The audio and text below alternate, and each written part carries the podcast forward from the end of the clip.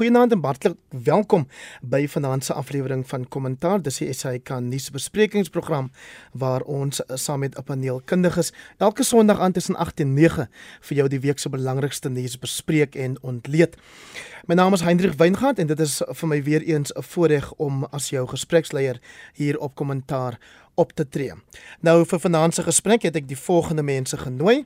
Hulle is Dr Piet Kroukamp, hy is 'n politieke ontleder verbonde aan die Noordwes Universiteit se Sakeskool. Goeienaand Piet. Goeienaand uh, Hendrik.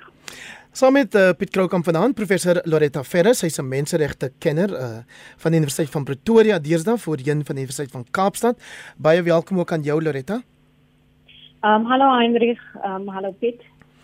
En dan saam met Piet en Loretta het ons vir Gert van der Westhuizen, hy is die stemme of meningsredakteur van Netwerk 24 die aanlyn platform vir Media 24 se Afrikaanse koerante en tydskrifte. Baie welkom ook aan jou Gert. Uh, goeienaand Hendrik en goeienaand aan die ander twee gaste ook. Kom ons begin dan soos verlede week met die oorlog in die Oekraïne of in Oekraïne. Ehm um, en ek gaan vir jou vra Piet om vir ons die prentjie te skets 11 dae na die inval deur president Vladimir Putin van Rusland. Wel ek dink die belangrike ding is dat ons uh, het almal gedink in hierdie tyd sal die Russe al in Kiev wees en dat hulle belangrike stede al sal oorgeneem het of geokkupeer het. En op 'n of ander rede, om een of ander rede dit nie heeltemal gematerialiseer nie en ek hoor daar's nou intense gesprekke in diplomatieke kringe, diplomatieke kringe uh uh wat die redes daarvoor is uh of dit uh, ek het ek het 'n interessante ding vandag gehoor van 'n Britse generaal wat hy gesê het maar uh dis asof die die Russe nie werklik die logistiek in plek het. Onthou dis die eerste keer sedert die Tweede Wêreldoorlog omtrent wat hierdie op hierdie skaal die Russe betrokke raak in 'n in 'n in 'n diefstaat so die logistiek is nie heeltemal in plek soos dit moet wees nie. uh dit lyk asof uh, hulle probleme om die weermag te mobiliseer soos wat hulle teoreties of op papier voorsien omdat dit nie noodwendig 'n uh, volledig permanente weermag altyd is nie. En dit lyk asof hulle ook die weerstand wat hulle van die Oekraïne sou gekry het asof hulle dit swaar onderskat het en as dit die oorlog dalk nou 'n bietjie langer dra, maar dit gebeur natuurlik net in die agtergrond van die geweldige klomp sanksies wat verskeie uh, lande in die wêreld nou uh, nou afkondig die rede is. In ander woorde uh, ek het vandag ook gesien dat sê dat die russe het ongeveer 3 of 4 maande se salarisse wat hulle kan betaal. Dan begin dit 'n probleem word om staatsamptenare die weermag uh, en almal te betaal wat betrokke moet wees op een of ander manier die hierdie oorlogsmodel. So dit klink net die Russe 'n bietjie meer probleme as wat hulle voorsien het uh of die Russe of die uh, Oekraïne gaan kan uithou uh vir 'n onbepaalde tyd dis natuurlik nou die groot vraag. Uh, hulle gaan nie lugsteun kry van Europa nie. Hulle gaan waarskynlik nie direk militêre steun kry van Europa nie. Uh ek sien ek weet nie wat propaganda is nie. Hulle beweer hulle het so rondom 3000 Amerikaanse soldate gekry wat bereid is om te kom help in Oekraïne. Dit dit is heeltemal moontlik. Uh, die Amerikaners het 'n geweldige groot reserve mag van soldate wat in verskillende oorloë betrokke is en was en wat uh, enige dag gereed staan om teen 'n bepaalde fooi weer 'n keer by 'n oorlog betrokke te raak. Maar so word die ding al hoe meer gekompliseer met weer op die agtergrond van die Russiese ekonomie wat nou nog verder afgegradeer is. Uh so Rusland is 'n werklike werklike groot probleem. Ek uh, wat nie Putin is dan dit self vra. Die oorlog is die een ding hoe lank dit in die gang kan hou en uh wanneer uh, sal uh, Oekraïne kapituleer? Die ander vraag is wat gaan die skade wees aan die ekonomie? Ek sien daar word gereken hulle gaan so teen 7% uh uh jy weet uh, ja, kleiner word die ekonomie hierdie jaar en volgende jaar waarskynlik aansienlik meer. Wat gaan die skade aan die ekonomie wees? Wat is die waarskynlikheid dat dit kan herstel? en wat is die langtermyn gevolge van van hierdie oorlog? So dit is ek dink dit is 'n werklike baie gecompliseerde prentjie veral vanuit die oogpunt van Rusland uit.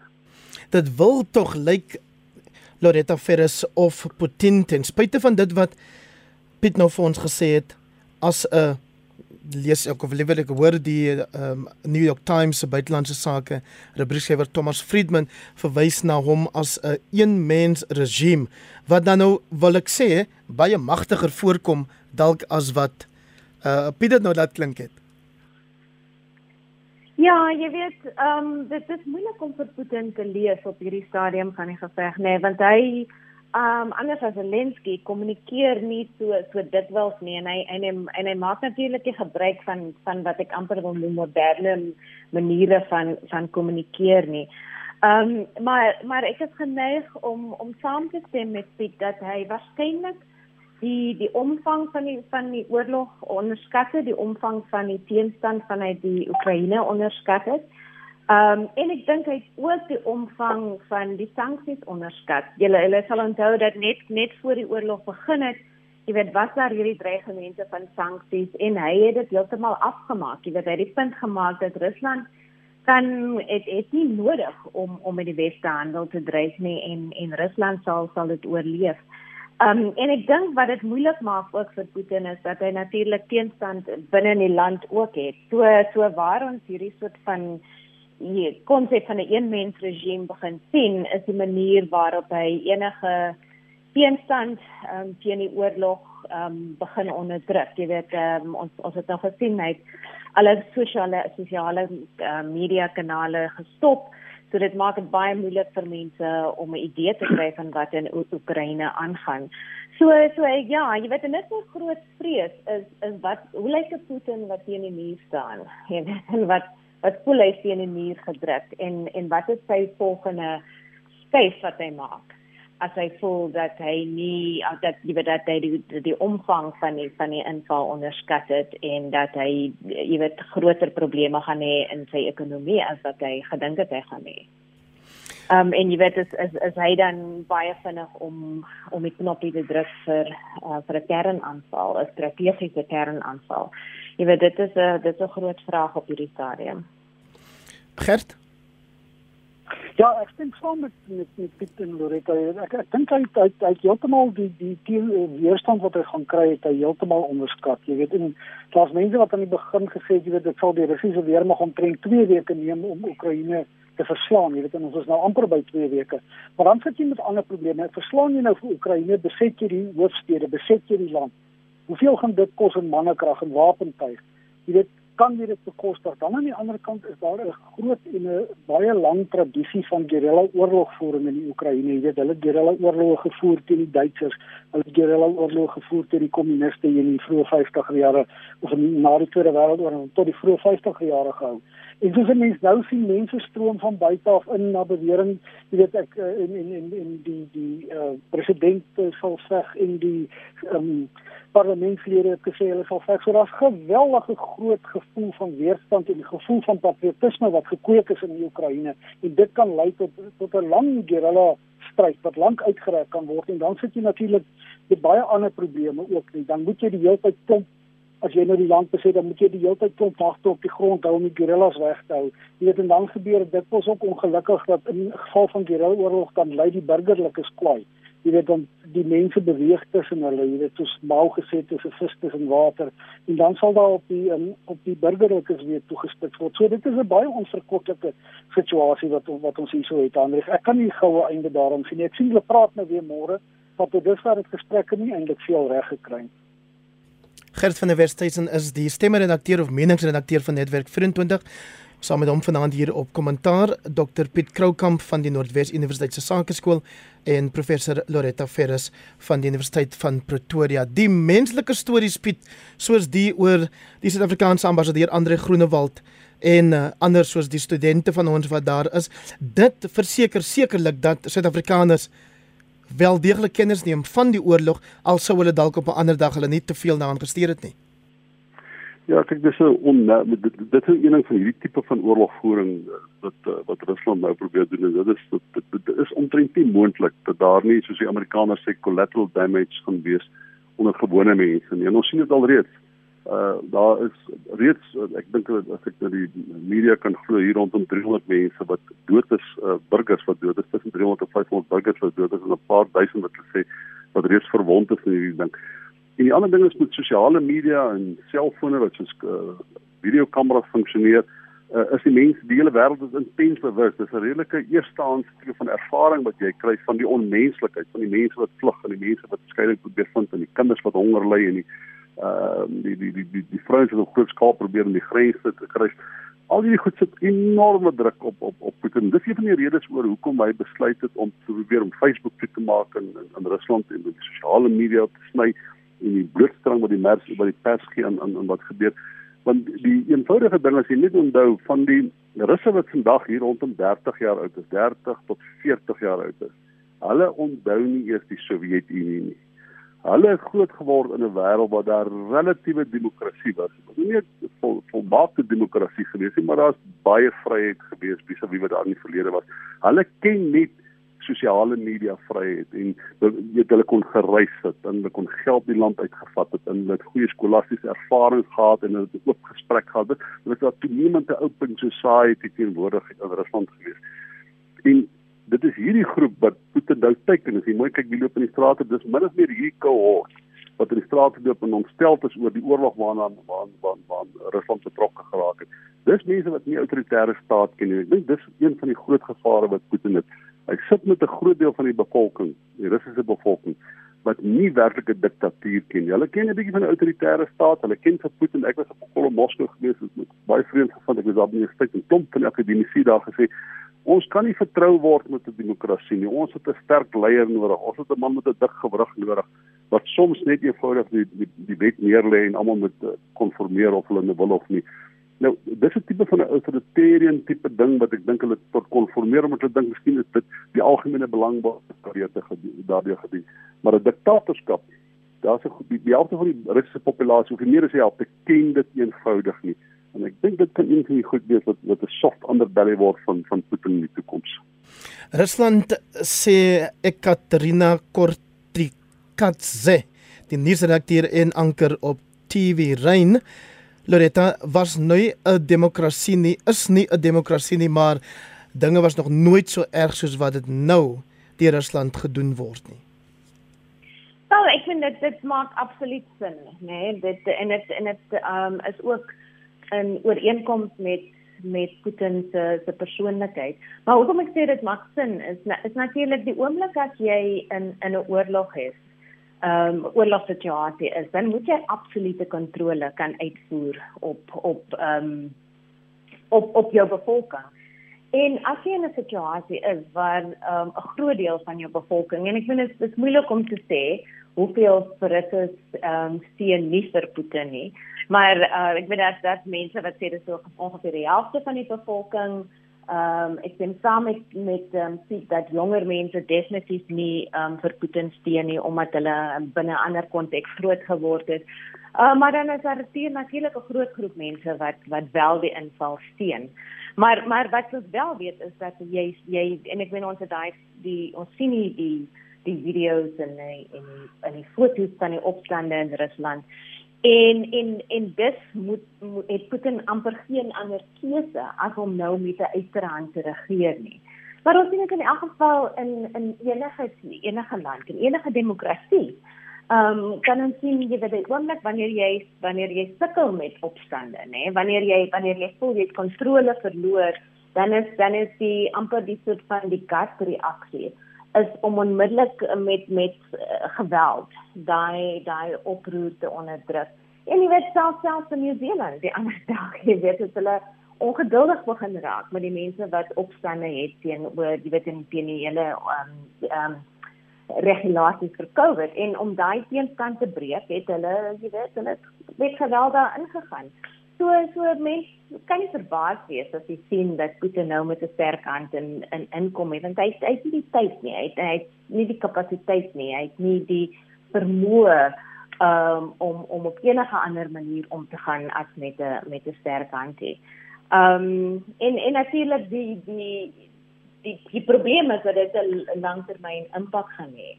Ehm um, ek weet nie of of Putin enigstens jy weet ehm um, gaan gaan survive nie dat na as hierdie inval misluk nie. Maar 'n ander interessante ding is dat jy dit ook as 'n mens bietjie kyk na Putin as 'n leier in die konteks van hoe hy omgaan met met sy kabinet en met sy ministers. Ehm um, jy weet jy kan sien dat hy is 'n sterk leier, hy is 'n sterk persoon. Daar's nie baie teenstand nie, daar's nie baie teenspraak nie. Ehm um, en en as daar is, jy weet dan met hy die manier om dit baie vinnig, jy weet, ehm um, ehm um, in 'n manier waarop hy met met mense praat baie vinnig ehm um, dit is soort van minimize. So so Putin dink ek is in elk geval hy hy hy is die tipe van 'n mens wat 'n baie wat 'n baie sterk leier is, wat 'n bietjie van 'n boelie is. Ehm um, en hierdie in hierdie konteks gaan hy nie anders as 'n boelie optree nie. So mense kan nie iets anders verwag nie. Gert, hoe naby is ons aan wat sommige mense wil glo 'n derde wêreldoorlog is as jy in ag neem dat Oekraïne nie werklik tans op sy eie betrokke is nie, maar wel met die steun, sê dit nou wapenskenkings is van Amerika of Europese Unie lande of NAVO vriende? Anders ek weet nie hoe kom vra jy vir my die moeilike vraag nie. dit is voorspel. Dit is baie baie moeilik. Jy weet dat dit is baie maklik vir so 'n oorlog om te eskaleer. Ons het dit al hoeveel keer in die geskiedenis gesien. Dit gebeur partykeer onbedoel. Op die oomblik dink ek die weste staan 'n bietjie terug. Hulle het gesê hulle sal wel optree as daar op NATO grondgebied aanvalle is. Hulle wil nie 'n uh, no-fly sone oor die Oekraïne afdoen nie. Jy weet so ek dink op die oomblik wag die mense bietjie maar Putin het aan die ander kant het hy nou al gedreig met die gebruik van kernwapens as ander mense sal inmeng. Jy weet nou as ek dink hoe groter teenstand hy gaan kry, hoe moeiliker gaan hy raak. Jy weet hy gaan sien die mense sê terug die weerstand is groter, kom ons slaan dan harder terug.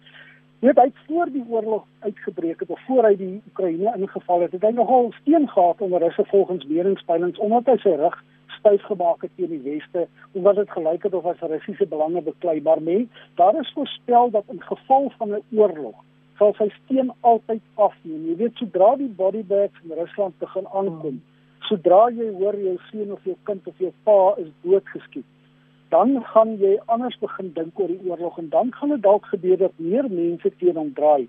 Jy weet ons het almal al opgemerk dat hierdie oorlog word heeltemal op sosiale media gevoer en dit lyk vir my asof Oekraïne hierdie narratief oorgeneem het. Jy weet want daar is die hele tyd is daar mense beskikbaar wat praat, daar's video's wat gewys word, die mense praat Engels, hulle is toeganklik. Jy hoor niks van die Russe nie. nie. En ek wonder hoe baie van hierdie goed word deur Russe self gesien. Dit gaan ook in 'n groot mate bepaal wat aangaan.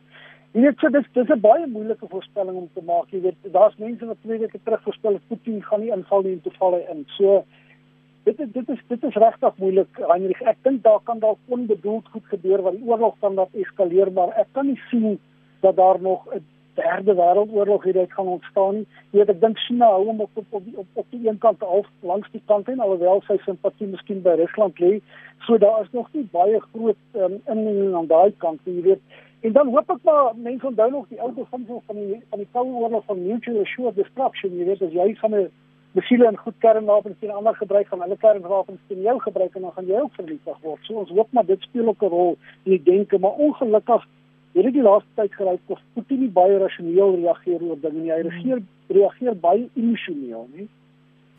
En dit is gevaarlik dink ek miskien. 'n SMS van Ludi Schulze wat skryf: "My vraag staan 'n tree terug en vra dan die vraag: wat is Putin se einddoel met hierdie oorlog? Wil hy die land annekteer en dan wat maak daarmee?" gesien teen die miljoene wat die land verlaat. Daar is 'n teorie Piet Kroukamp van eh, professor Francis Fukuyama die politieke teoris in hierdie naweek se Financial Times wat reken die oorlog as dit niks anders is nie as in elk geval Putin se aanval op die liberale orde.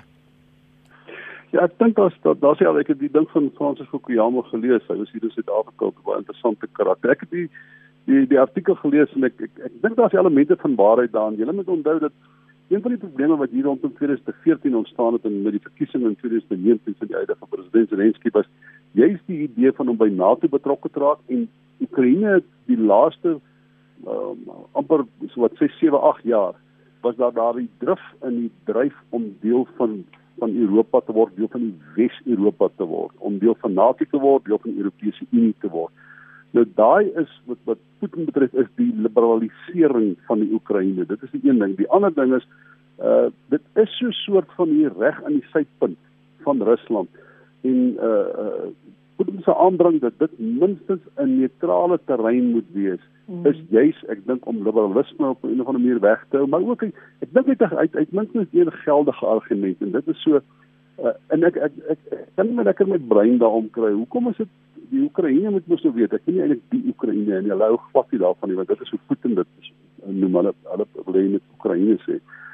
Uh Oekraïne uh, ek weet nie hoekom hulle terwyl hulle besef dat dit 'n steen des aanstoots vir Putin is, so aandring daarop om deel van NATO te word nie en so aandring om deel van die Europese Unie te word nie.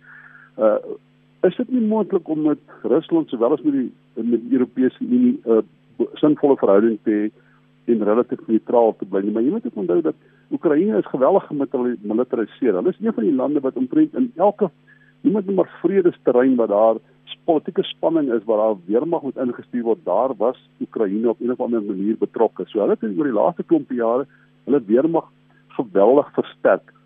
En dit as ek net vinnig kan verwys na die die ding van van van kern uh, uh, kernoorlog uh, my vriend en kollega Abel Estreys gesê dit altyd baie mooi. Hy sê die werklike waarde van kernwapens is in die feit dat jy dit het. Nie in die feit dat jy sal gebruik nie. Hy sê dit is onwaarskynlik jy sal gebruik, maar die, jy kry die beduidende voordeel omdat jy dit reeds het. Nou die vraag vir my is want want dit is die ding wat Wes-Europa vrees en wat die Amerikaners vrees dat dat dat dat dat, dat, dat Putin besluit om wel kernwapens te gebruik.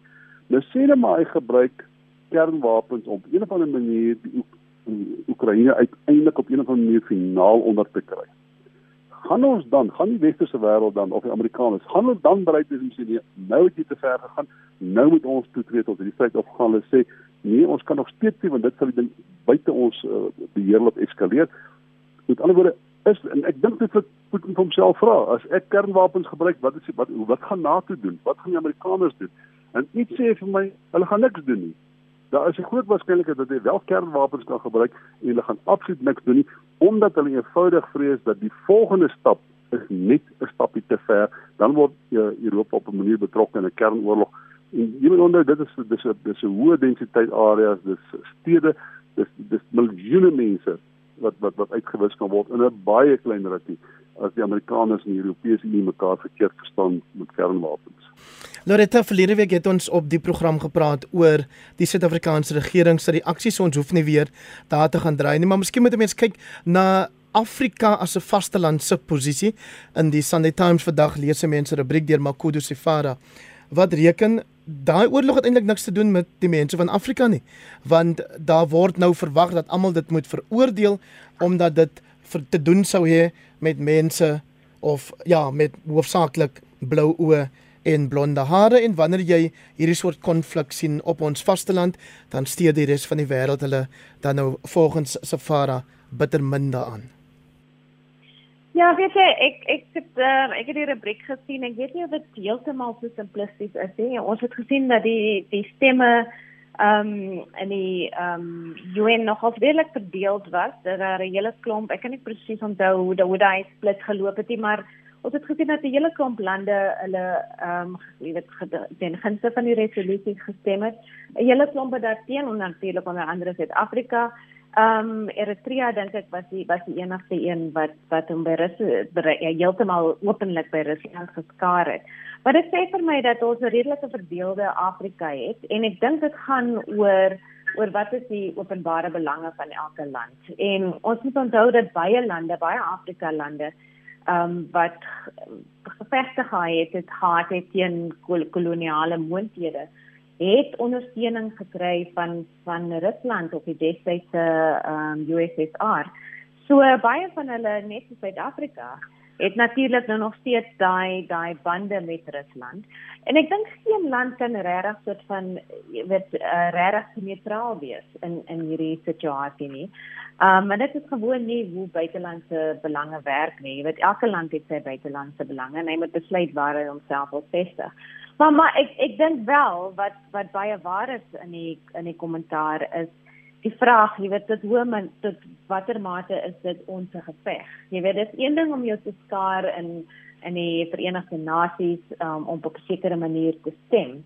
Maar maar tot watter mate jy weet gaan jou betrokkeheid weier as dit En en ek dink hy's reg, dis dis nie regtig ons geveg nie. Ehm um, behalwe natuurlik, jy weet as daar nou regtig as dinge begin begin groter raak en as ons begin kyk na 'n groter oorlog, ons moet basies begin kyk, jy weet as die weste begin betrokke raak, dan sit ons met 'n hele an, heeltemal 'n ander situasie en dan dink ek sal sal Afrika lande moet besluit waar skaar hulle vir hulle. Maar op hierdie stadium, jy weet, dit tussen Rusland en Oekraïne dink ek hy's reg. Ehm um, en hy maak natuurlik ook die punt, jy weet dat die die die weste wat ehm um, hulle misnoë uitspreek oor die manier waarop vir sekere lande gestem het. Dis dieselfde weste wat jy weet net 'n paar maande gelede mm, glad nie na Afrika gekyk het hoe dit gegaan het oor wie kry um, vaccinations en wie kry nie. So en en dan natuurlik dink ek is mense baie ontstel. Baie mense in Afrika is ontstel oor die manier waarop Afrika mense behandel is oor die afgelope 2 weke. Um die absolute um diskriminasie aan beide kante van die grens is baie problematies. En ek en ek dink dit um, en ek dink hy's reg as hy sê jy weet hoekom as as dit is 'n manier is waarop mense na ons kyk as Afrikaners hoekom moet ons betrokke raak by hulle oorlog? En en daar stem ek saam met hom.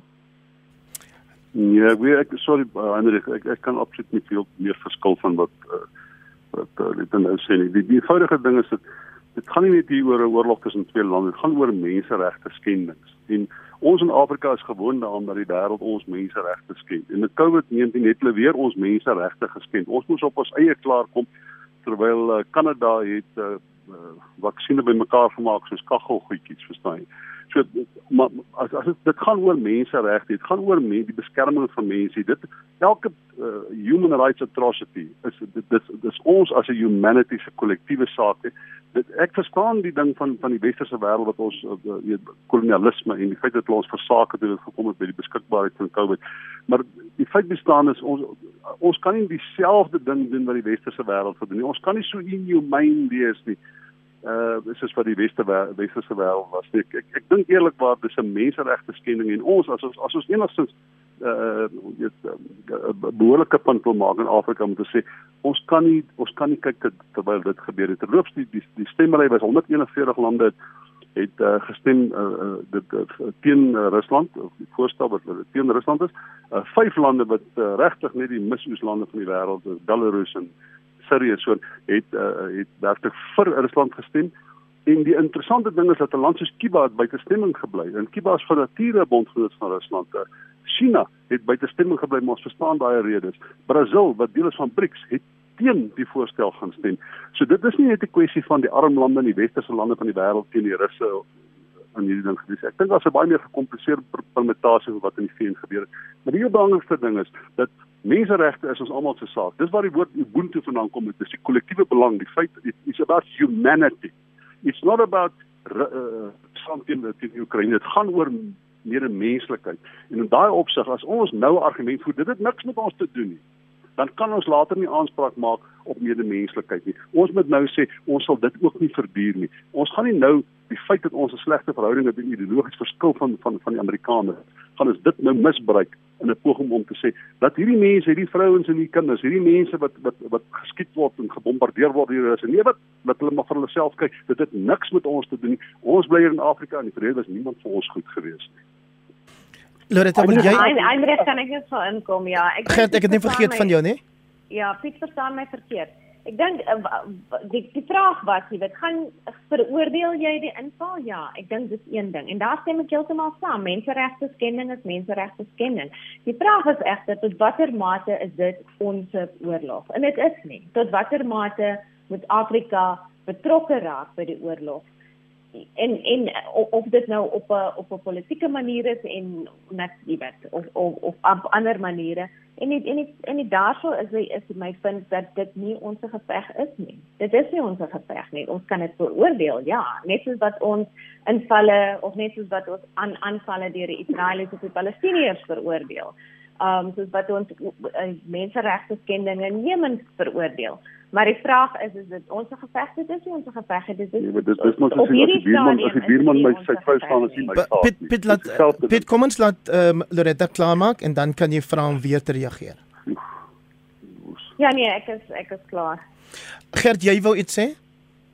Ja, ek stem saam, jy weet dat dit hier gaan in eerste plek om menseregte want wat daar aangaan is 'n gruwelike skending van menseregte. Dit is 'n onregverdig die die inval kan nie geregverdig word. Jy weet in en ons sal ons moet uitspreek teen die skending van menseregte as die wêreld tydens die apartheidjare nie ook sanksies toegepas het en nie ook mense opgelei het en nie ook vir mense wapens gegee het nie, weet wat sou van Suid-Afrika geword het. Daai tyd het die res van die wêreld kon net sowel gesê dat Suid-Afrika aangaan is nie ons geveg nie. So kom ons los dit normaal. Hier het dit nie gedoen nie en dit het gehelp om apartheid tot 'n einde te bring. Hy het kan maar sê wat ons wil, die sanksies en die sportboikot en daai goed het 'n geweldige belangrike rol gespeel om apartheid tot 'n einde te laat kom. Dan aan die ander kant, jy weet, oorlog soos hierdie het altyd 'n wêreld waar jy invloed. Ons sien nou die ekonomiese gevolge daarvan hier by onsself met die petrolprys wat styg. Ek lees vandag in die koerant hulle praat van dit kan tot styg tot 40 sent per liter hier. Dan kan wat gaan van ons word? Jy gaan nie eens kan werk toe ry nie teen daai prys nie. Jy weet as jy wat uh, gaan jy 120 rand betaal vir 3 liter. So al hierdie goed is baie belangrik. En soos iemand ook vandag gesê het, wat Pieten eintlik op die oomblik besig was om te doen, hy is besig om twee lande te verwoes. Sy eie land waar daar ook 'n gebrek aan menseregte is en dan verwoes hy ook die Oekraïne. Jy weet 'n mens moet jou net erns uitspreek in die goed soos laat nie soos Justice Malala sê jy aan die verkeerde kant van die geskiedenis eindig. Dit is stem van Gert van der Westhuizen, meningsredakteur van Netwerk 24 wat vanaand deelneem aan kommentaar saam met professor Loretta Ferris en Dr Piet Kroukamp. So Gert, ek wou jou vra oor die ander oorlog binne hierdie oorlog, naamlik die inligtingoorlog, maar uh en ek het gedog dit sal dalk nou vir jou makliker vraag wees omdat jy vroeër gesê het ek het vir jou moeilike een gegee. Ons gaan wel nou dit maar los en eerder aanbeweeg na die Sondekommissie se die derde deel van hulle verslag. Laat ek net sê môreoggend op praat saam sal die kwessie van die media en hoe die media sy rol vertolk gedurende 'n oorlog dis sal ter sprake kom um, tussen 8 en 9 en ek is bevoorreg om dan ook môreoggend as instaan aanbieders te dien daar in die plek van Lenet Francis Puren. So kom ons kom dan nou Piet by die kwessie van die sondekommissie die derde deel van die verslag. Ons is beloof dit sou die einde van die maand wees. Toe is dit nou 'n dag na die einde van die maand, Dinsdag dat ons wel die verslag of daai deel van die verslag onder oë kry. Jou algemene of oorhoofse indrukke van wat ons hierdie keer wys gemaak is daarin? Kyk, dis 'n dis 'n geweldige omvangryke eh, deel van die verslag en daar's daar's aansienlik meer detail. Waar was al nog altyd baie detail geweest in, in hierdie verslag. Maar hier is 'n redelike 'n klompie inkriminerende tipe van uh, uh, uh feite en en beweringe en argumente wat die wat die regter in sy span gevoer het. Die, uh en, en dit gaan in groot mate die, die vraag rondom Bosasa eintlik die belangrike ding is die mense wat geïmpliseer word en veral Gwedi Mantas wat geïmpliseer word. Uh ek dink ons kom werklik nou by die punt waar mense begin daar amper tipe van 'n fatigue wat insit is in die konteks van die oorlog wat nog in in in, in Oekraïne aan die gang is dit amper asof ons ons het nou al te veel gehoor. Vir my was die heel belangrike ding van in die konteks van hierdie hierdie deel wat nou uitgekom het, hierdie deel van die testament wat uitgekom het, was die aanstelling van in die, in die, in die vervolgingsgesag uh van van van van 'n nuwe hoof van die plek van Hermin Kruger. Iemand wat ek dink hier hier kom vir werke. Met ander woorde, Gwedi Mantashe en die mense wat geïmpliseer word, uh veral die mense wat geïmpliseer word, waar in die verlede het hulle gedink maar dis 'n baie langtermynproses. Dis 'n uitgerekte proses. Uh, meeste van ons gaan dalk wegkom, daar gaan nou waarskynlik nooit hofsaake wees nie. En wil iemand tans dink maar uh, ek word nie regtig skuldig bevind nie. Daar word net beweer dat ek moontlik ondersoek moet word. Wel die ondersoeke vat 'n leeftyd, die goed kom nooit nêrens nie. So hy was nie so so ontsteld geweest as dit ware deur die beweringe wat oor wat soms vir hom gemaak word in die media nie. Maar nou die agtergrond van die nuwe aanstelling in die plek van Herman Tournier, moet ek vir jou sê met 'n ou soos hy en veral ek en en Juan en daai manne moet dink en Maurice Vical moet dink o oh, shucks hier jy mag dalk net moeilik kom. So hierdie spesifieke verslag want want die Bosasa ouens ek dink daar's daar's geweldig baie bewyse. En Mbule Mokonyane ek ek kan amper nie dink dat daar 'n ander opsie gaan wees as dat sy agter die tronk deur gaan beland nie. Uh en dit klomp van die ander mense wat wat wat geïnteresseerd word in hierdie verslag. En, en waar dit sê die regter maak so spesifieke bevinding oor haar dat sy moet dink dit is as as as as, as uh, die volgende as die NPA hulle werk doen, is sy definitief tronk toe. En ek dink ons bereik nou daai punt waar party mense moet begin dink die skelsel is die, die president het nog 'n miljard rand beskikbaar gemaak vir die NPA om sy werk op te doen. Erns met die klok nou begin lui vir klomp ouens, vir al die mense wat by Bosasa betrokke was om te dink uh might just be up. So laat ek net weer sê die SAK en RSG neem natuurlik nie verantwoordelikheid vir die standpunte van gaste op programme soos kommentaar nie, maar ons erken die reg van elke gas om hom of haar standpunt oor kwessies met ons te deel. 2,37 miljard rand ten minste Loretta is wat 'n maatskappy soos Besasa uit 'n uh, staatskontrakte sou gemaak het. En nou sien ons soos wat Piet nou ook vir ons gesê het as daar iemand soos minister Gwedi Mantashe wat sê wo wo wag wag ek wil hierdie verslag op hersiening neem as 'n regsprofessor wat sal die naderdraai wees as meer en meer van die mense na wie daar vinger gewys word in hierdie Zondo verslag hof toe gaan om die verslag te keer te laat hersien te wat ook al So, so dis nog op iets wat vir my interessant is. Jy weet hierdie hele konsep van van die verslag op hersiening vat.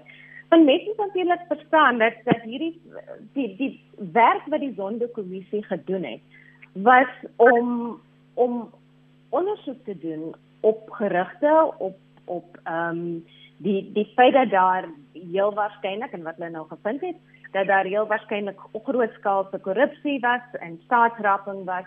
Ehm um, maar wat hulle nie gedoen het, het die sondekommissie was nie 'n hof nie. So die sondekommissie ehm um, het nie gesit as 'n hof en en en en getuienis is nie getoets nie.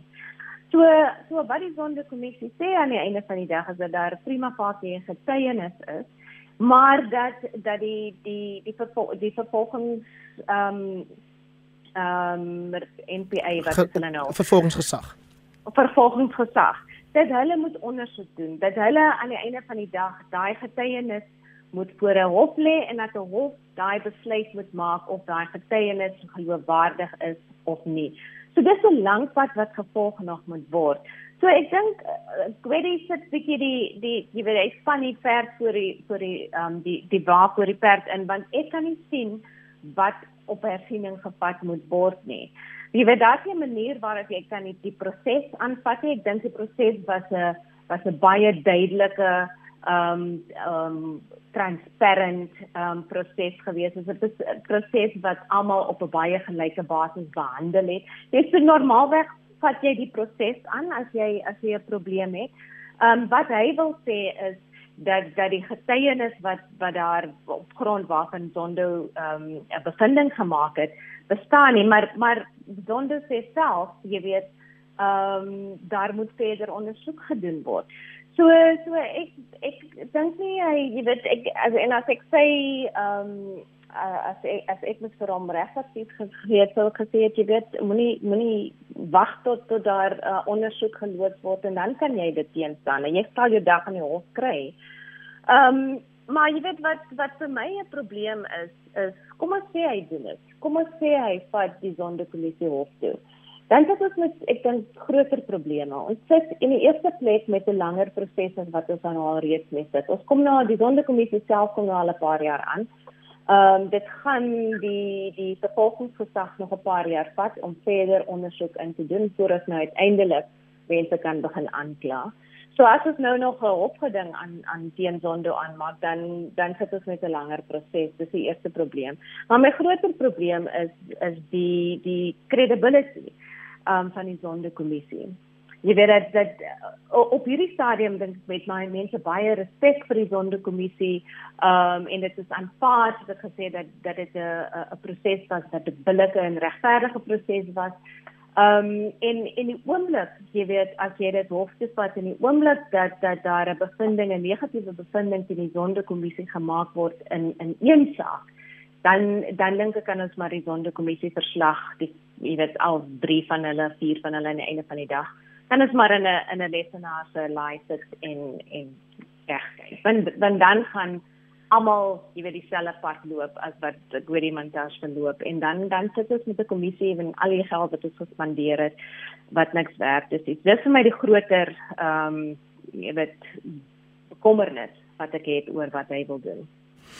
Gert, is dit jou indruk dat Angelo Agrici, die voormalige operasionele hoof van Bosasa, amper nou as 'n held voorgedoen word met dit dat die kommissie baie swaar steen op sy getuienis wat natuurlik insluit hoe dat hy self instrumenteel was in sy dit nou die uitdeel van geskenke is aan iemand soos uh voormalige minister Nomvula Mokonyane of die sakke kontant wat gereeld rondgedra is en die smeer.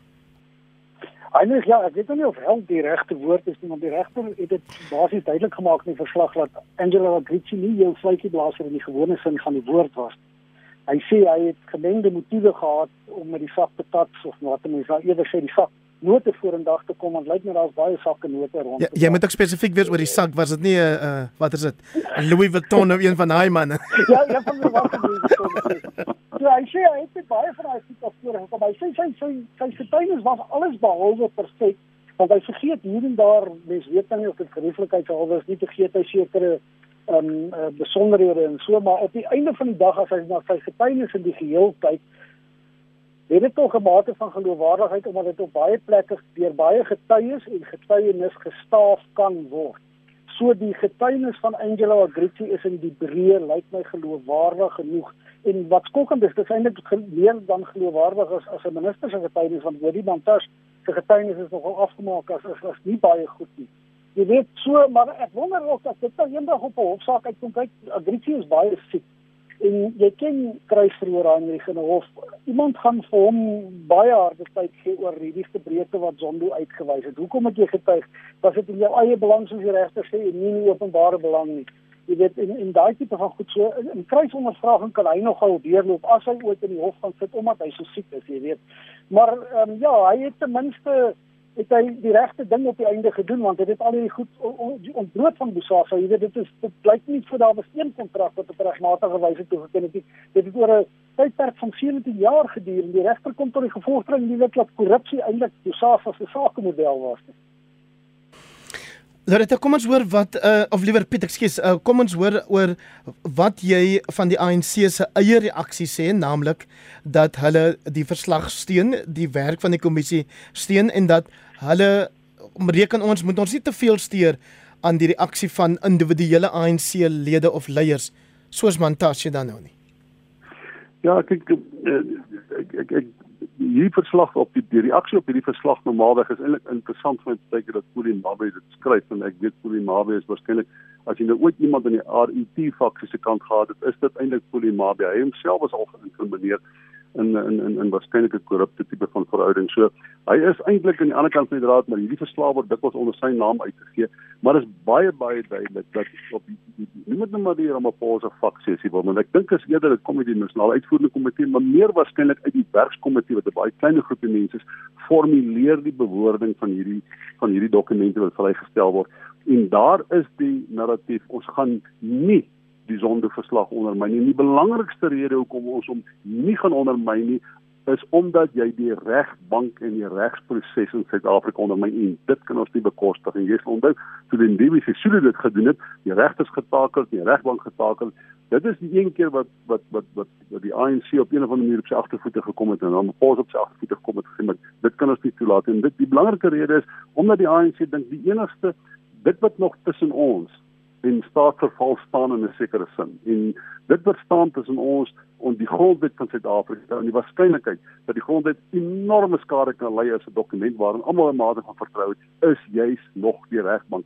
En nou maar Paul doen absoluut alles om sonde te beskerm want dit by implikasie beskerm ook die regbank. En ek weet jy sê die die die die, die bevinding wat sonde maak teen uh, Gwedi Mantas is nie dat hy skuldig is nie ek weet nie wat wil wat wil Gwedi op review vat nie want die regter sê nie hy skuldig nie die regter sê dit moet werk om te ondersoek. Dis al dis al wat hy sê dis moet werk om die ding te ondersoek. Nou gaan jy nou sê maar jy's nou Gwedi moet as jy gaan hof toe jy skyn verskyn vir jou sê ek wil die ding op review vat die regter sê hoekom dit hoekom wil jy doen? Sê ehm um, hy sê ek moet ondersoek word sê die regter dis die funksie van van van so ondersoek dat hulle net sê wie moet ondersoek word. Uh, hulle sê nie skuldig nie, met ander jy kan nie sê dis soos ek met Toretta gesê dat dan die prosesse fout was nie en daar's nie 'n finale bevinding teen jou gemaak nie. So wat is die protes wat jy aanteken?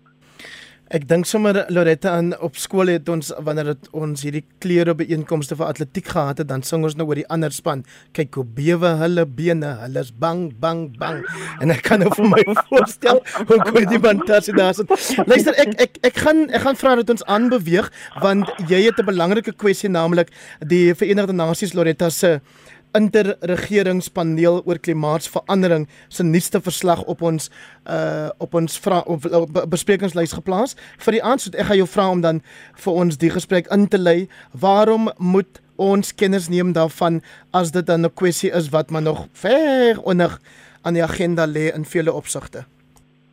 Ja, weet jy, dis dis iets wat heeltemal natuurlik oorskadu was deur die oorlog. Ek meen um, klimaatsverandering het darm nou oor die laaste paar jare al meer en meer um, het ons begin notisie neem maar um, hierdie nuutste verslag van die van die um, IPCC um, en dit is 'n paneel van van redelike hooggeplaaste wetenskaplikes wat in groot detail kyk na wat is die impak van klimaatsverandering en hulle begin jy weet op 'n meer gereelde basis begin hulle kyk, ehm um, wat is dit in in op op wat watter impak het klimaatsveranderinge op 'n hele klomp goed? Natuurlik onder andere water, maar ook ehm um, voedselsekuriteit, ehm um, watter impak het dit op ehm um, mense se vermoë om om ehm um, om, hulle lewens te lei sonder dat daar ehm um, inter um, interruptions is en so voort. So Hulle kyk daarna en dan maak hulle voorstellings oor as ons nie ingrepe maak in terme van van hoeveel ehm um, koolstofgasse en en ander greenhouse gases ons in die lug stuur, wat gaan die impak wees vorentoe? So so dit is basies hoe die verslag lyk en dan kyk hulle ook na wat wat is die impak vir elke streek. Nou hierdie nuutste verslag van hulle dit die dit lyk nie goed nie, nê? Nee, die boodskap wat hulle stuur is dat ons in groot moeilikheid is as 'n aarde. En hulle stuur hierdie boodskap uit in 'n in 'n konteks waar ehm um, daar byvoorbeeld tans in Australië massiewe vloede is. Nê, nee, in Brisbane en baie veral is daar hierdie massiewe vloede wat direk gekoppel word aan klimaatsverandering sit met ehm, 'n um, droogte waaroor ons baie praat, maar ons sit met 'n droogte in die Karoo. Ehm um, en mense wat ontsettende verliese ly. Ehm um, en so kan ons aangaan en aangaan. Jy weet, so ons begin sien die impak van klimaatsverandering al meer. Ehm um, en ek dink dis dis dis iets wat baie sterker op ons agenda moet wees as as wat dit tans is. Maar is is dit 'n goeie nuus miskien ehm um, is is dat ehm um, daar so sopas 'n 600 miljoen rand belegging aangekondig in Suid-Afrika in in terme van hernubare energie. So ons gaan sien dat ons ehm um, as 'n land baie meer ehm um, gaan investeer in hernubare energie. Ons het dit baie meer gedoen die afgelope paar jaar. Maar ek dink waaroor ons nog nie praat nie is ehm um, tot watter mate is ons as 'n land veerkragtig? Jy weet, want dit is wat ons moet begin word ons moet begin kyk hoe veerkragtig is ons in ons landbou en en ons jy weet ehm um, manier waarop ons water gebruik et cetera et cetera. Jy moet moet ons begin aanpas vir die vir die skade wat gaan kom as gevolg van klimaatsverandering. Maar Gert as jy luister na Cyril Ramaphosa ons president, dan sê hy vir die res van die wêreld Afrika, Afrikane trek die swaarste en dit is omdat daar nog nie voldoende fondse vloei na die vasteland om klimaatsverandering teen te werk nie. Ja, dit is seker 'n mate waar, Henry, want ek het ook 'n baie interessante artikel gelees oor die verslag in die Economist. Waar hulle byvoorbeeld sê, jy weet, dit is amper nou al te laat om te probeer om om om, om daai 1,5 cm ag grade se klimaat te te, te keer. Jy weet, jy moet nou eerder begin om aanpassings te maak om klimaatsverandering te hanteer. Jy weet, en daai aanpassings moet baie met baie oorsig gedoen word en dit moet dit moet baie uh, goed gedoen word dat jy nie verdere skade aanrok nie en dan sê hulle byvoorbeeld jy weet Kanada en Iran is getuister byvoorbeeld deur geweldige hittegolwe. Die Kanadese het geld om iets te doen, Iran het nie geld om iets aan te doen nie. Jy weet so dis 'n belangrike punt daar. Jy weet en ek ek, ek, ek lees ook hierso van 'n stad soos in Gujarat in Indië waar hulle byvoorbeeld daar begin het om vooraf waarskuwings in plek te stel as daar erge hitte kom. Hulle bou ook nou geboue, jy weet wat nie hitte inhou nie en in Kenia byvoorbeeld gebruik hulle grondwalle vir damme en dan uh, verstoor dit met tot 40% op die grondwatervlakke wat behou kan bly in tye van droogte. So dis dis is eenvoudige goed wat gedoen kan word, maar ek wens net Jy weet ons moet begin om baie eenvoudige goed te doen en as ons die geld kry om goed te doen, dan moet ons dit oordentlik gebruik om te sorg dat ons die goed nog oordentliker doen want die tyd raak regtig man. Jy weet en dit is dit is nie sommer speletjies hierdie nie. Dit is jy weet hitte maak mense dood. Daar word sê hitte golwe maak mense dood. Mense praat al van eko-angs, net van jonger mense of mense wat dink hulle moet nog oor 20 jaar op hierdie aarde lewe. Hoe gaan dit lyk? Dit maak hulle geweldig angstig. Dit lei selfs tot psigiese probleme by mense. So hartverwarming is eintlik regtig dit is een van ons grootste grootste probleme en ons moet regtig so vinnig moontlik werk daarvan begin maak al is dit op die eenvoudigste maniere denkbaar. Piet, hoe kom eh, reken jy is daar by Suid-Afrikaners dalk in die algemeen 'n tipe van 'n ongeërgdheid oor hierdie belangrike kwessie? Man, die eerste plek is dit baie moeilike wetenskap. Die meeste mense wat daaroor praat, by verre die meeste mense en dit sê ons drie in op hierdie paneel en jy kan weet nie, ek het nie 'n klou wat daar aangaan nie. Ek het daai verslag gaan lees, maar jy het mos nou gesê vir my jy moet WhatsApp stuur sê vir jy beter daai daai ding gaan lees voor jy se naam praat. So ek ek het doen dit. Toe. Nou uh, ek ek ek, ek, ek my my my goeie vriend en mede-ateës George Klassen, hy as ek net vir George wil kwaad maak, dan moet dit nou klink of ek skepties is oor klimaatsverandering. So ek sê sommer nou al ek is glad nie skepties nie. Ek aanvaar die wetenskap daaroor, ek aanvaar die konsep van die wetenskap daaroor. Ek weet dit is 'n groot probleem, ek weet ons moet onmiddellik iets aan doen. Maar uh, daar was 'n matematiese fisikus gewees met die naam van van van Freeman Dyson. En Freeman Dyson het gesê jy ondermyn die argument oor klimaatsverandering met van die modelle wat jy gebruik wat eenvoudig absoluut nie sin maak nie. Ek dink uit uit ek gaan nou nie ek wil nie banaal wees nie, maar ek dink uit amper gesê modelle soos bullshit en bullshit out tipe van ding. Nou wat nou gebeur is as jy nou gaan lees na hierdie verslag wat ek nou gelees het jou aandrang. Daar erns skryf hulle in daai verslag dat daar in Suider-Afrika het voedselproduksie met uh, 1% 1% stadiger groei en hulle koppel dit direk direk in klimaatsverandering. Wanneer laas het jy gaan somme maak en die veranderlikes wat bepaal wat presies is voedselproduksie in in Afrika? Hoe word dit uh, beïnvloed deur uh, normale weerpatrone, deur politiek, uh, deur uh, demografie? Dit word deur geweldige klomp faktore word beïnvloed. Om nou dit te sê dat dit noodwendig klimaatsverandering en ek dink dis waar Freeman Dyson se argument is wat wat wat wat wat, wat my skepties uh, skeptiese natuur ook 'n bietjie die, die antennes bietjie uitkom is dat wanneer betaal bepaalde goed direk gekoppel word aan klimaatsverandering sonder dat 'n mens oorsaaklike verhouding het maar jy skep daai saaklike verhouding because it makes sense politically. As ek ek, ek as ek nou net oor Loretta nou net gesê, daar's 'n droogte in die Karoo. Die Karoo is grasgroen en so deurdrink van die water. Daar is nie droogte daar nie. Dit beteken nie daar's nie klimaatsverandering en dat dit nie die Karoo geweldig direk gaan impakteer nie. Ek ek aanvaar dit alles. Maar al wat ek sê is en dit, dit kom terug na jou vraag toe. Hoekom is ons skepties? Ons is skepties enerzijds die, die wetenskap is baie moeilik en die tweede plek is daar geweldig baie politiek in hierdie ding en die mense probeer ons baie keer 'n rad vir die oordraai vir die oordraai vir 'n bepaalde politieke agenda. And we notice it. We see that. Loretta Ferris, jy is ons omgewingsregkenner op hierdie paneel. Waar tas Piet Kroukamp verkeerd mis in hierdie geval?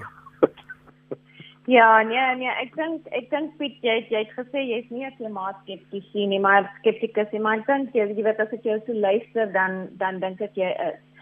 Ek dink jy weet ons moet ek ons het ons het 'n heel paar goed waarna ons kan kyk. Ek dink die die ehm um, die wetenskap wat ons skryf van die IPCC is moet ons nie net wegdoen meer nie dit is nie mense wat wat jy weet net vandag besluit het jy weet ek gaan 'n bietjie hier models bou vir jou en hierso is is wat jy is. Ek meen dit is mense wat regtig ehm um, klimaatsverandering stuur ehm um, klimaatsverandering bestudeer nie net vanuit 'n dissiplinêre oogpunt nie maar vanuit 'n interdissiplinêre oogpunt. So jy jy, jy bring verskillende dissiplines bymekaar jy sodat jy mekaar se opinies kan toets en sodat jy kan verifieer.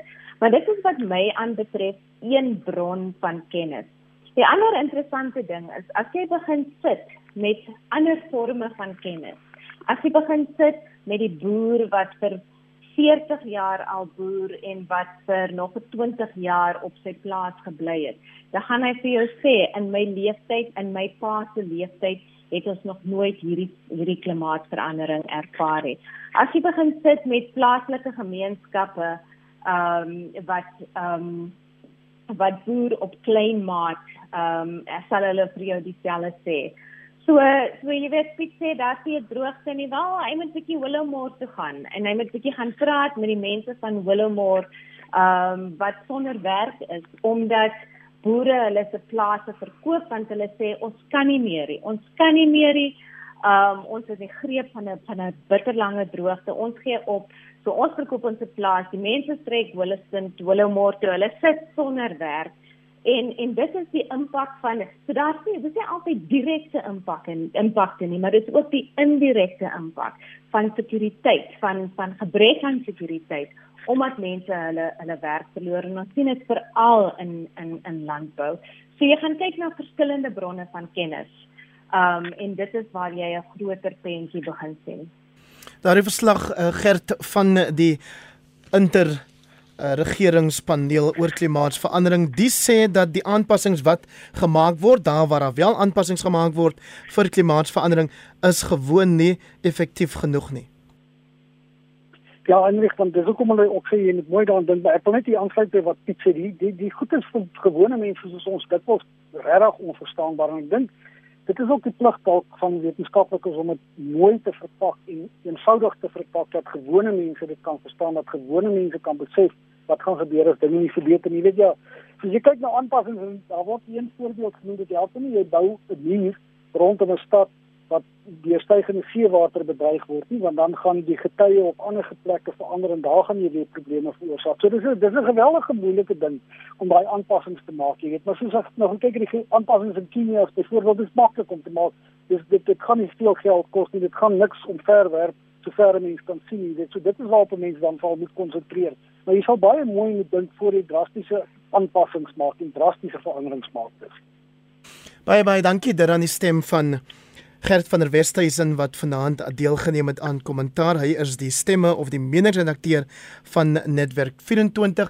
Saam met hom professor Loretta Ferris, deesdae by die Universiteit van Pretoria, voorheen die Universiteit van Kaapstad en dan saam met hulle Dr Piet Kroukamp, 'n bekende politieke ontleder van die Noordwes Universiteit se Sakeskool. Baie dankie julle al drie vir julle deelname vanaand. Dankie. Dankie Hendrik. Dankie. Dankie Hendrik.